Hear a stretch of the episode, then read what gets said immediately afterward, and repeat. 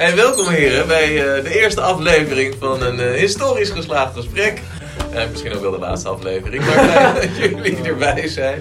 ik heb het genoegen met... Tijn. En... Bram. Nou, welkom heren. Kunnen ze commercieel gaan aanbieden, maar... Jij doet alles voor geld, toch? Nee, dat is het. ja. Nou, welkom. hoe gaat het met jullie in deze coronatijden? ik denk wel goed. Ja. Met jou?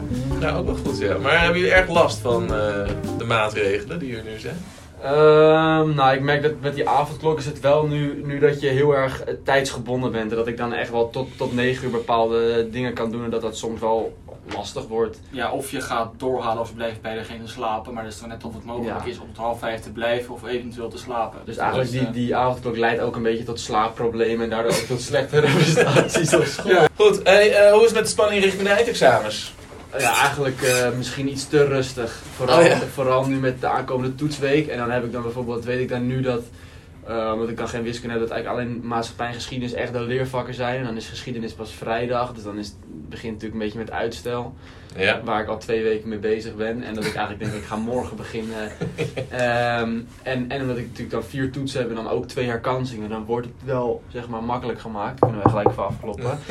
maar, maar daardoor is die druk ligt zo laag op dit moment dat ik denk van oké, ik sta er ook wel goed voor. Ik moet het echt, echt heel erg verpesten, wil ik het nog echt, echt willen verpesten. En dat is ook het juist het slechtste. Ja. Uh, en na de eindexamens denk ik dat we, dat we genoeg, uh, hoe zeg je dat, genoeg faciliteit of genoeg uh, dingen hebben gekregen waardoor we het eigenlijk nee. allemaal makkelijk moeten kunnen halen. Ik hoorde... hey, en hoe bereiden jullie je voor voor, een, voor het examen geschiedenis? Ik heb natuurlijk liceo gedaan, dat is ja. een van de dingen. Uh, en daarnaast ja, gewoon heel veel leren, denk ik. En hoe leer je dan?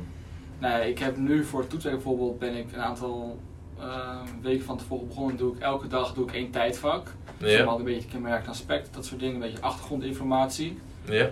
Uh, en dan doe ik voor de rest ja, elke dag ook een historisch context. Ja. Ja, voor de rest vind ik het lastig. Ik weet niet zo goed hoe ik ervoor moet leren. Het is zoveel dat je eigenlijk nooit weet waar je moet beginnen. Nee, dat is en dan probeer je zo ver mogelijk uit te stellen. Maar ja, je moet toch... Uh, ja, en maak je dan vooral samenvattingen? Maak je vooral opdrachten? Ja, ik vind samenvattingen maken zelf, als ik niet weet waar het over gaat, niet echt fijn. Ik wil eerst echt dat ik weet waar alles over gaat. En dan, als je het opschrijft, dan weet je het nog beter. Maar ik, als ik een samenvatting maak, weet niet waar het over gaat. Dan denk ik ook een beetje, ja, dan leer ik het niet echt goed. Dus ik maak geen samenvattingen. Nee. Nou ja, ik heb dus wel al vanaf de eerste toetsweek dit jaar ben ik eigenlijk in het begin met mijn stiefvader begonnen, maar daarna heb ik eigenlijk een beetje zelf overgenomen. Dat ik gewoon een, een, de, het samengevat boekje heb gepakt en daarbij gewoon de hoofdstukken gewoon heb gelezen en samengevat in letterlijk alleen woorden. En dan gewoon met een pijltje erbij, gewoon op één volgende gebeurtenissen. Wat echt dan het, het uh, kenmerkt aspect samenvat. En ik heb daar nu voor mij 14 pagina's en iets van 3.000, 4.000 woorden met alleen woordjes en dan met alles wat erin staat. En dat vind ik dan handig om even terug te lezen. Maar ik denk dat het nu ook handig gaat zijn om bronnen, et cetera, echt te gaan, gaan oefenen, die opdrachten. Want daar liggen nog wel eens uh, wat fouten die uiteindelijk fataal kunnen zijn voor misschien dan toch nog dat vijfje of uh, zesje eruit te slepen. Hé, hey, want daarover gesproken, Tijn, jij staat nu uh, ruim, ruim, ruim bovenaan met het maken van. ja, ik heb net ook weer chronologische volger opnieuw gemaakt. 10. Oh. Een 10? Ja. en 1048, uh, ja. Maar hoe heb je dat nou voor elkaar gekregen? Wat, wat is je... Wat is je geheim? Ik pak heel Ja, nou, ik had wel een periode gewoon QA en ik vond het best wel saai. En toen heb ik eigenlijk een beetje om alvast te kijken, voorbereid op mijn eindexamen, heb ik gewoon eindexamens erbij gepakt. Ja. En ik heb daarbij gewoon letterlijk de eindexamenvragen um, ja. in de andere gestopt. En daarbij gewoon het, het antwoordformulier bekeken. En daarbij die antwoorden daarin gedaan. Zodat het perfect eindexamenvragen zijn. Precies. Die ook precies in de eindexamen staan. En daardoor zijn we er flink bovenuit gestegen. Ja. Ja. En, en daardoor kon ik ook alvast een beetje een inkijk hebben op wat er precies allemaal te wachten staat. En daardoor weet ik ook nu dat het begint met inderdaad die chronologische volgorde, hoe dat eruit ziet, hoe het zich opbouwt. Um, ja, en alle vragen hoeveel er zijn. Um, ja, zo gedaan in die periode. Dat ik dan echt gewoon op een gegeven moment dacht van, kijk, ik zit nu op 500. Als ik nu nog eventjes 500 er doorheen stoom in de periode. dan maakt het voor iedereen onmogelijk om nog uh, dichterbij te komen. Ja, dat is ook maar. Ja, Pablo die, die, die is zo stoer, uh, die eerste les. Die, ik heb al 60 keer per 70. En ik dacht, nou, dan gaan we er lekker even voor 1000. Die gaan we eventjes de mond snoeren. Zeker. We beginnen even met een quizje. Nu we met de, de, de echte geschiedenis uh, beginnen. Oh, want, even met een quizje. Ik noem een, een gemerkt aspect en jullie maken hem af. Oh. Ja. Oké, het begin van de Europese... Overzeese expansie. Over deze kant, ja. Bram, het veranderende mensen wereldbeeld van de renaissance en het begin van een Wetenschappelijke revolutie. Zoiets. wetenschappelijke belangstelling. Ah, ik Ja. in de buurt. Een hernieuwde oriëntatie op het erfgoed van... Auto heeft. Ja, Dacht ik. daar is die. Ja, heel goed. De protestantse reformatie die de splitsing van de christelijke kerk in West-Europa... Tot gevolg heeft. Ja. De discussies over de... Sociale kwestie. Ja, welk tijdvak is dat? S- Acht. Ja, netjes. Eh, de crisis van het... Wereld. eh, Wereldeconomie. Zoiets wel hoor. Wereldkapitalisme. Ja! Ja, daar... ik dacht kapitalisme. Ja. Ja. ik zag je hoofd en dacht ik nee, dat klopt niet. Ja, het lijkt nu toch dat Tijn de puntjes hier pakt. Het, eh, het niet. Nou, Wereldwijde handelscontacten, handelskapitalisme en... Wereldeconomie. Handel over zee. Nee, ja, het begin van een eh, wereldeconomie. Daar pakt Bram toch wel een puntje. Zo. Ja. De moderne vorm van imperialisme die verband hield met... Afschaffing van uh, slavenhandel. Nee. Nee, nee, nee.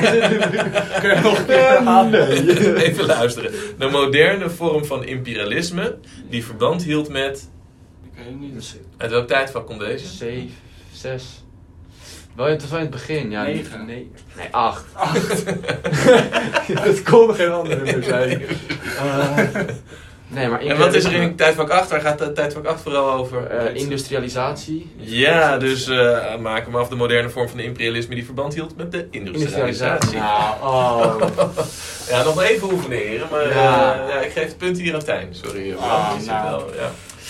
Goed, ehm, ja, het onderwerp wat jullie hadden gekozen is die historische context over eh, Duitsland. Exact. Ja, Kijk, exact. even erbij pakken hoor. Het was, het was dat eh, eentje was het. Dat was de eerste. De eerste, daar Wat leidde tot de over. opkomst van het nationaal socialisme en welke gevolgen had het voor Duitsland in Europa van 1918 tot 1945? Nou, heel mooi, want ik heb me net voorbereid op die andere twee.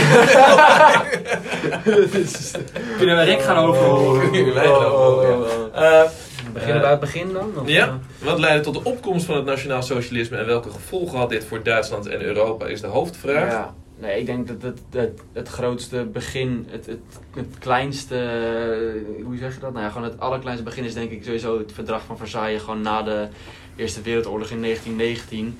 En daardoor was Duitsland sowieso al- in een slechtere staat en dit soort dingen begonnen heel veel mensen zich tegen, voor mij was het de Republiek van Weimar toen nog? Ja, daar nou, begonnen die kwam mensen toen, zich, ja, daar begonnen mensen op een gegeven moment ook een beetje op, op tegen, op, op tegen te, te zijn.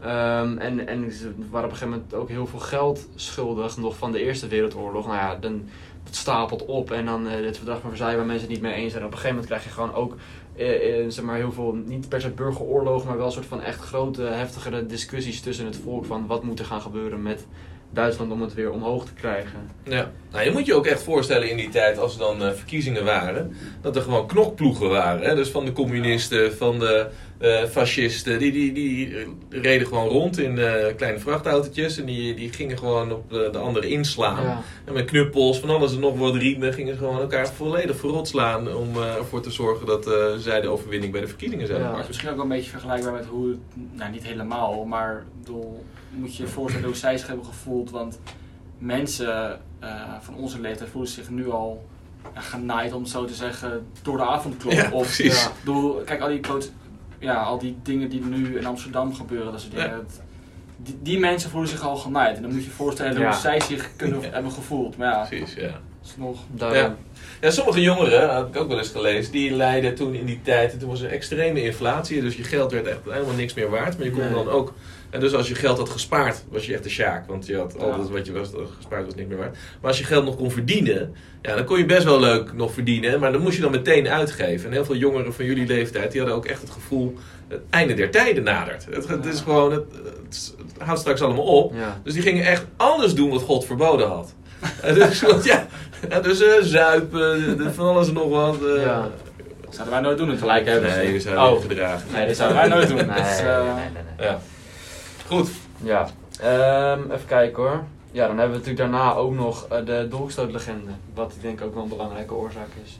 En ik, ik had nog ergens gelezen dat, dat ehm, volgens mij ehm, eh, dat Hitler had gezegd dat het een, een, het was, het was een, een van rechts of zo, vanuit het communisme had ik gezegd. Van, het, was, het was met eh, een, een dolkstoot vanaf rechts of zoiets. Een Links. soort van, links dat zou kunnen. Zo, een van die twee dat had ik gelezen. En dat was dan vanuit het fascisme dan, of niet? Het communisme was rechts.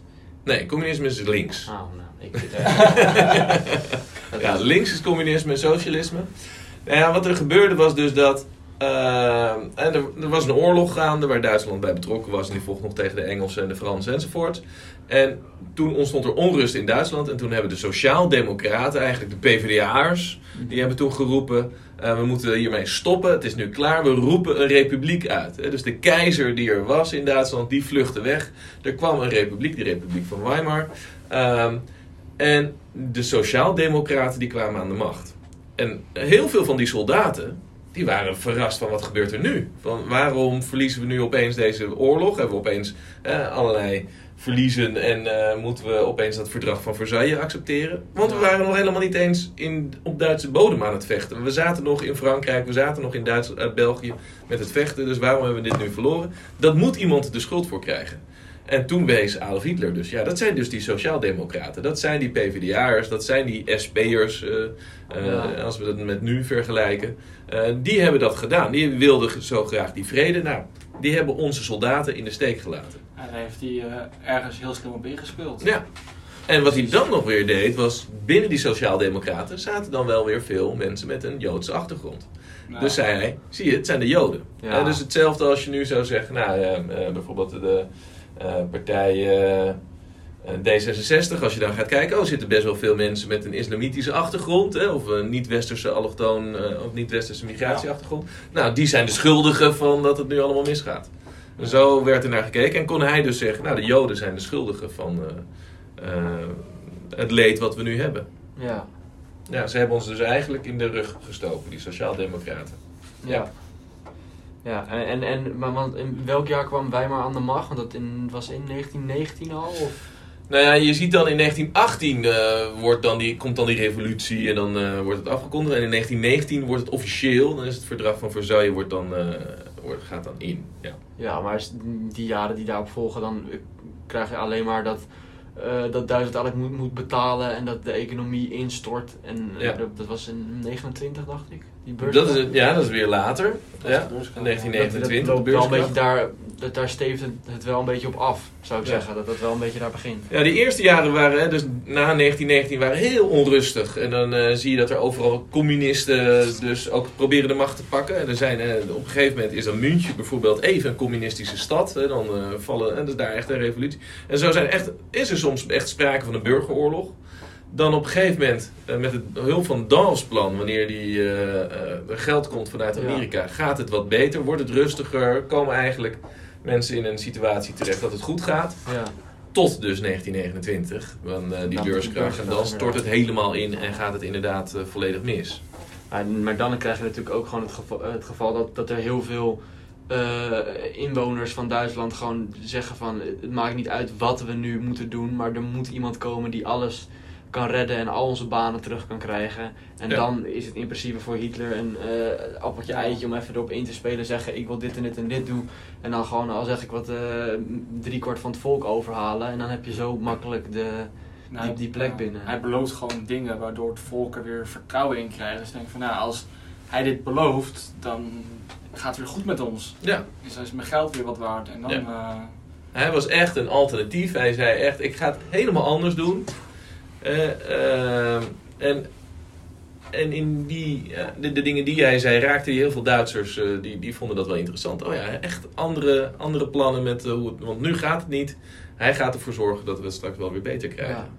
Maar hij, hij had al in de jaren daarvoor had hij al een paar keer zich verkiesbaar gesteld, dacht ik. Maar toen was hij dan tweede geworden of zo. Ja. Net niet de hele tijd. Nou, en eh, het begon met de, de, de DAP, later de NSDAP. En dat was een partij die meerdere keren meedeed. En in eerste instantie niet zoveel succes boekte. Tot dus die economische crisis ontstaat. En dan zie je dat het echt eh, enorm eh, gaat stijgen. En wanneer een land goed gaat, economisch, ja, dan is er niet zoveel reden om op zo'n rare extreme partij te stemmen. Nee, maar wanneer het slecht gaat met een land, dan zie je opeens dat die partijen die heel erg extreem in een bepaalde hoek zitten, die worden dan opeens eh, interessant en eh, daar gaan er meer mensen op stemmen. Ja. En, en dat gebeurde daar dus ook. En eh, ja, is het zelfs nog zo dat Hitler die behaalde een enorme overwinning en daarna werd het eigenlijk alweer wat minder. Ehm, en moest hij dus andere manieren vinden om dus die volledige macht naar zich toe te trekken. Ja. En, en daarbij eindigde ook gelijk die Repu- Republiek van Weimar dan. Dat Ja, de- toen hij aan de macht kwam, eh, ja, werd dat afgeschaft. En er kwam dus eh, die, die machtigingswet, hè? Eh, weet je wat dat... dat, ik heb hem ook hier erbij staan. Dus was dat niet gewoon de wet dat hij, dat Hitler alle macht naar zich toe kon trekken? Ja. ja, dus wat je ziet, hij wordt eerst... eh, en dus he- alle andere partijen denken, nou die Adolf Hitler is gewoon een beetje gek. Hè, zoals er nu ook een beetje naar een Thierry Baudet wordt gekeken. Ze wordt, hij wordt niet helemaal serieus genomen door de politieke partijen. Ja, van Wilders. Ja, en, en, en dan wordt hij opeens heel populair. En wat doe je daar dan mee? En dan kun je blijven zeggen van we laten hem gewoon eh, liggen, we gaan er niet mee regeren. Maar het probleem dat hij kan die dingen blijven roepen. En dus wanneer een partij heel groot wordt, met, waar je toch een beetje van denkt, oeh, we zijn daar niet mee eens. Dan, en toen hebben ze in Duitsland gedacht, nou we nemen hem erbij. We, eh, we nemen hem op in de regering, maar we geven hem positie en dan moet hij eh, een beetje veel theater en dan heeft hij niet zo heel veel macht. En dan eh, kunnen de mensen zien, nou, hij eh, heeft heel veel praatjes, maar het levert niks op. En toen is voor hem het geluk geweest, eigenlijk het bizarre eh, gebeurtenis dat de Rijksdag in brand vloog. Ja. Rijksdagbrand. Eh, door een Nederlandse jongen, communist, die eh, uit Leiden daar Ja, naartoe is gegaan. Gehoord, Ja. ja. Een Leidse jongen. Ja, Marinus van der Lubbe. Is wel een beetje de twijfel of hij het echt zelf heeft gedaan. Of dat dus er een soort valstrik was en de nazi's er zelf ook achter eh, zaten. Ja. Maar ja, hij is toen daarvoor veroordeeld. En toen zei Adolf Hitler, kijk, dat zijn de communisten. Die zijn een gevaar, dus die moeten worden verboden. En toen kwam die machtigingswet waarin dus heel veel partijen werden verboden. En alleen Ja. Adolf Hitler dus, eh, Overbleef. ja, eigenlijk als enige overbleef. Ja. Totalitair regime, Bram, wat, wat is dat ook alweer? Wat, wat komt er dan? Wat houdt dat in, een totalitair regime, weet je dat? Ja, ik ligt, ligt wel een puntje van mijn tong, maar ik weet niet ik het ga uitleggen. Nou, misschien kan Tijn eh, helpen. weet- Ja, je bent totalitair is het gewoon de, de totale macht in handen van één iemand of één groep. Die daarmee gewoon het land, de samenleving eh, regeert. En Ja. hier zag je gewoon dat de nazi's gewoon eh, het total, totalitaire regime vormden. Waardoor zij gewoon alle macht hadden over Duitsland. Ja. Dat was vooral toch inderdaad dat, dat, dat één bepaalde groep de volledige macht heeft ja. over weer de, een hele grote groep. Precies. En dat is ook iets wat je nu ziet. Dat sommige mensen zeggen, oh, pas op, het wordt een totalitair regime. Want Ja. onze regering die gaat, die, die zorgt voor een avondklok. Die zorgt dat al dit gesloten wordt, dit mag niet meer. En die, die gaan zich overal mee bemoeien. Normaal gesproken heb je niet zo heel veel last van een regering. Eh, merk je er niet zo heel veel van. Maar nu hebben we een regering die overal op ingrijpt. En dat je gewoon merkt van, oh, ik mag dit opeens niet meer. Ja. En dan zeggen sommige mensen, kijk, het is een totalitair regime. Ja. Maar ja, als jij openlijk kunt zeggen: Kijk, het is een totalitair regime, dan weet je al, dan is het geen totalitair regime. Ja. Want als je dat had gedaan in de tijd van eh, Adolf Hitler. Dan had je wel een probleem. Ja, ik denk dat het een beetje dubbel is, want we worden op dit moment wel heel erg beperkt, maar we zijn wel heel erg vrij. Ja. Want qua persvrijheid, dat soort dingen, ben je wel gewoon echt heel vrij. Eh, En als, als we nu in een totalitair regime zouden leven, dan zou het dus ook zo zijn dat eh, eh, alle docenten hier op school vervangen zouden worden voor VVD'ers bijvoorbeeld. Hè. Dus Ja. dat, Ja. eh, dan, dan kan het niet meer dat hier iemand met een GroenLinks achtergrond staat en alle rechters worden vervangen. Dat, dat hele land heeft er dan echt eh, mee te maken. En dan is dat woord Volksgemeinschaft. Ja, die heb Ja. ik ook hier staan. Voor mij is dat gewoon de, de, de volksgemeenschap. En voor mij ging dat over de, de politieke tegenstanders die in dit geval de NSDAP had. Door de mensen die niet bij de volk, volksgemeenschap wou horen van de nazi's die er gewoon op tegen waren. Ze maken hier ook het verschil tussen je hebt de politieke tegenstanders Ja, en, en die worden eerst aangepakt. Dat zijn die communisten, dat zijn mensen die dus een andere ideeën hebben dan eh, de nazi's. En dan daarna de mensen eh, die niet behoren tot de Volksgemeinschaft. En dat zijn Joden, Joden, ja. eh, wat wij eh zigeuners vaak noemen, maar dat is eigenlijk ook een, eh, een, een scheldwoord. hè, Roma en Sinti, eh, mensen met een andere huidskleur, eh, homoseksuelen. ja. En die werden dus steeds meer gediscrimineerd. En eh, nou, een aantal daarvan later ook echt vervolgd. ja. Ja. Nou, dan is er die conferentie van München op een gegeven Ja, moment. met- ja, precies. Nee, daar had je natuurlijk het, het, het, eh, die eh, appeasement politiek ook. Engeland en Frankrijk die eh, hadden volgens mij besloten dat ze wel, Duitsland mocht nog wel Tsjechië hebben. Ja. Nee, voor de rest wilden ze niet dat ze nog verder gingen. En Duitsland, Oorlog en voorkomen. Duitsland ja, ze wilden aan het oorlog voorkomen, Engeland en Frankrijk. Dat waren volgens mij vooral de landen die betrokken waren bij de appeasement politiek. Ja. Eh, alleen Duitsland wilde steeds meer. En toen die zeiden van ja, het gaat gewoon niet. En toen was Duitsland wel van, eh, Ja. ja, dan gaan we het op een andere manier proberen. Ja, Maar dat is ook wel een beetje het begin van gewoon de verovering van Duitsland. Dat dit, die conferentie was in 38, dacht ik. ja. En vanaf 39 eh, kwam een stuk Polen, dacht ik, voor het eerst. Polen Ja. binnenvielen. Ja, het gaat dan zo. eh, hè, dus eh, Hitler zegt eigenlijk: Duitsland moet voor alle Duitsers zijn. En je hebt dan allemaal gebieden rondom het toenmalig Duitsland waar heel veel oorspronkelijke Duitsers woonden. Ja. Eh, en daarvan zei hij, ja, die moeten dus ook, dat moeten ook allemaal delen worden van Duitsland. Hè. Waar meer eh, Duitsers wonen dan mensen van het andere land, nou, moet, hoort eigenlijk gewoon bij, bij, bij Duitsland. En dat zie je nu ook bij, bij eh, Rusland. Er zijn een aantal landen, Letland, Estland, eh, Litouwen, Oekraïne. Daar wonen heel veel Russen. En daarvan zegt eigenlijk Poetin, ah, die moeten eigenlijk bij Rusland kunnen horen. Eh, Ja. Laten we lekker een referendum daar uitschrijven. Dan kunnen ze stemmen erop of ze willen bij Rusland horen. Ja hoor, meerderheid, de Russen, wil bij ons horen. Dus we voegen dat land gewoon toe. Dus daar zijn die landen heel bang voor dat dat gebeurt. Ja. Nou, er is in Oekraïne al heel lang een, een oorlog Ja. ook over. Welk deel was het nou Oost-Oekraïne, ja. Ja. Het gebied waar ook die, dat vliegtuig toen is neergestort. Je ziet dat Adolf Hitler die wil dat. En die begint daarmee met bijvoorbeeld... eh, Nou, hij valt dan Oostenrijk binnen. En Oostenrijk, ja, dat, dat werd gezien als gewoon een Duits volk. En dus dat werd geaccepteerd. Veel mensen in Oostenrijk waren er ook enthousiast over dat eh, Adolf Hitler binnenviel. Maar het was, ging tegen afspraken in. Want Duitsland werd opeens groter. Dus Engeland en Frankrijk inderdaad... Oh, wacht even, dit, dit vinden we niet oké dat je dit doet. Maar hij deed het toch. Sudetenland wilde hij ook hebben. Nou, daar waren ze tegen. En dat mocht niet, zeiden Engeland en Frankrijk. Ja, en toen kwam die conferentie van München. Oké, inderdaad, je mag Sudetenland hebben. De rest, en daarna doe je niks meer. Maar toen kwam inderdaad in 1939, september 1939, valt Polen. Adolf Hitler ook Polen binnen. En toen was het voor mij Frankrijk en Groot-Brittannië die de oorlog aan Duitsland Ja. verklaarden. Ja. Ja, en, daar en er waren twee hele rare situaties. Eén is dat Adolf Hitler bleek toen een vriendschap, een bondgenootschap met Stalin te hebben gesloten. Terwijl dat eigenlijk elkaars aardsvijanden waren. Stalin communistisch, eh, Adolf Ja. Hitler nationaal socialistisch. Die bleken opeens met elkaar in het geheim een afspraak te hebben gemaakt. Ja, en Engeland en Frankrijk, die dachten, ja, maar nu ga je weer een afspraak tegengaan. Ja, nu moeten we wel een oorlog verklaren. Maar dat had Adolf Hitler helemaal niet verwacht. Die was daardoor verrast eigenlijk. Van, oh, Ja. ze verklaren mij de oorlog. En dan ontstaat eigenlijk de Tweede Wereldoorlog. Waar Ja. niemand op dat moment op voorbereid was. Maar hij was toch uit afspraak gemaakt met Stalin, die hij uiteindelijk ook weer tegenging. En toen was Rusland ook van ja, maar wat doen we ons nu? En toen ging ze ook weer Duitsland aanvallen. Tuurlijk, ja. Ja, want Adolf Hitler, ja, je kunt leuk denken dat je er afspraken mee kunt maken. Maar hij doet toch wel zijn eigen... Ja, daar was het. Hij dacht inderdaad afspraken te maken met Rusland. Rusland dacht het ook. En toen Ja. kwam ze niet na. En toen kwam er... eh, Ja, dit was eigenlijk een afspraak waarbij allebei wel een beetje door hadden van ja, op de langere termijn ga ik jou wel even een flinke tackle eh, uitdelen. Ja, maar- nou, en toen werden dus grote, snel grote delen van Europa veroverd. Eh, Ja. de 10 mei 1940 eh, wordt ook Nederland eh, aangevallen tegelijkertijd met België en met Frankrijk. Eh, en Nederland binnen een paar dagen. Vijf het, dagen dat het ja. inderdaad dat het gelijk, gelijk over was. Ja, En daarna, daarna begint eigenlijk een beetje, dat ze inderdaad genazificeerd worden. En daarna begint eigenlijk een beetje die genocide een beetje op te lopen. Wat uiteindelijk wel een soort van hoogtepunt bereikt. Waarbij het extreem wordt natuurlijk. Ja, ja, ja, dat komt inderdaad vooral in de jaren daarna. Vanaf eh 42, 43 neemt die, eh, de deportaties en de, de massamoord op de Joden neemt dan inderdaad eh, toe. Ja. Ja. Hey, eh, hadden jullie nog leuke feitjes of dingen, Bram? Of zit je er Nou, doorheen? waarmee- Toevallig had ik een paar feitjes inderdaad. Ja. Kinderen die zaten natuurlijk vaak zonder hun ouders ondergedoken bij dan andere mensen. En dan, dan werden ze zogenaamd het nichtje genoemd van degene waar ze dan ehm, verbleven. Dan kregen ze vaak ook een andere naam.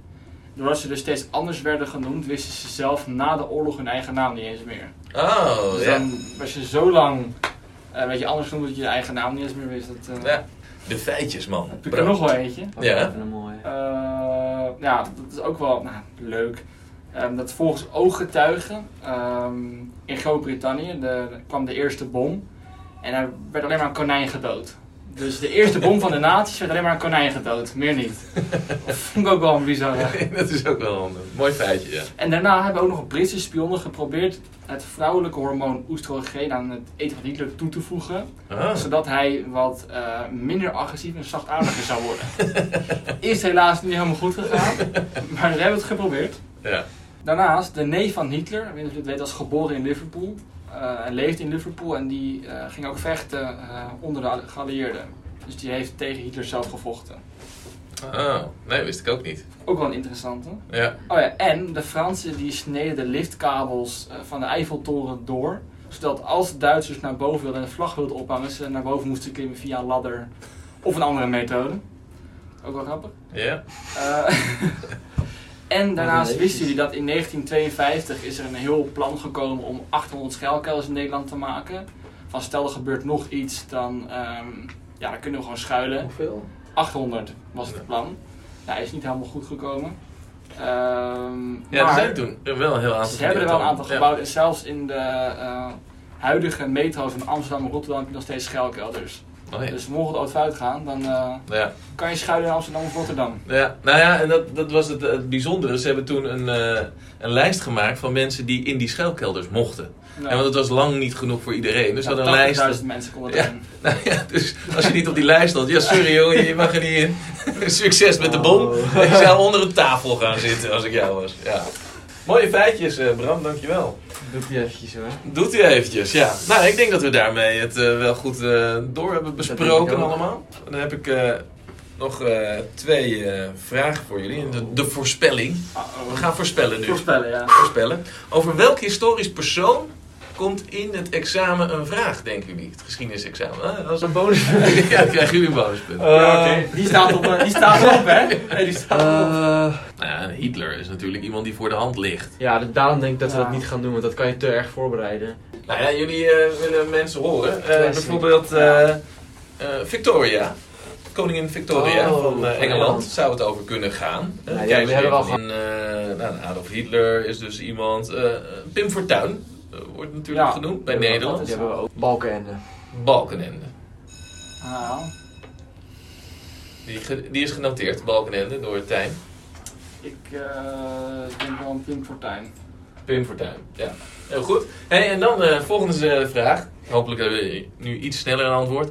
Welk cijfer gaan jullie, denken jullie te gaan halen eh, Oh. voor het centraal examen geschiedenis? En dan gewoon puur het centraal examen geschiedenis. Dus eh, wat, wat denken jullie voor een cijfer te gaan halen? Dat wordt natuurlijk afgerond, hè? Dus dan moet je Nee, het hoeft niet afgerond. Dus één cijfer achter de komma. Ik heb, ik heb ook precies één cijfer in mijn hoofd dat ik ga, jij gaat precies hetzelfde zeggen. Jij denkt naar 5,4 of niet? Zit wel heel erg in de buurt. Ik ga natuurlijk eh, voor 6,5 het afronden bij 7, maar ja, dat kan dus ook gewoon gebeuren. Het is, eh, Ik heb die oefenexamens gezien en dan ga ik op dit moment Ja. uit van een eh, 5,5. Een 5,5 nou, ik, Genoemd ja, ja, ik ga voor een 6 dan. en een 6,0.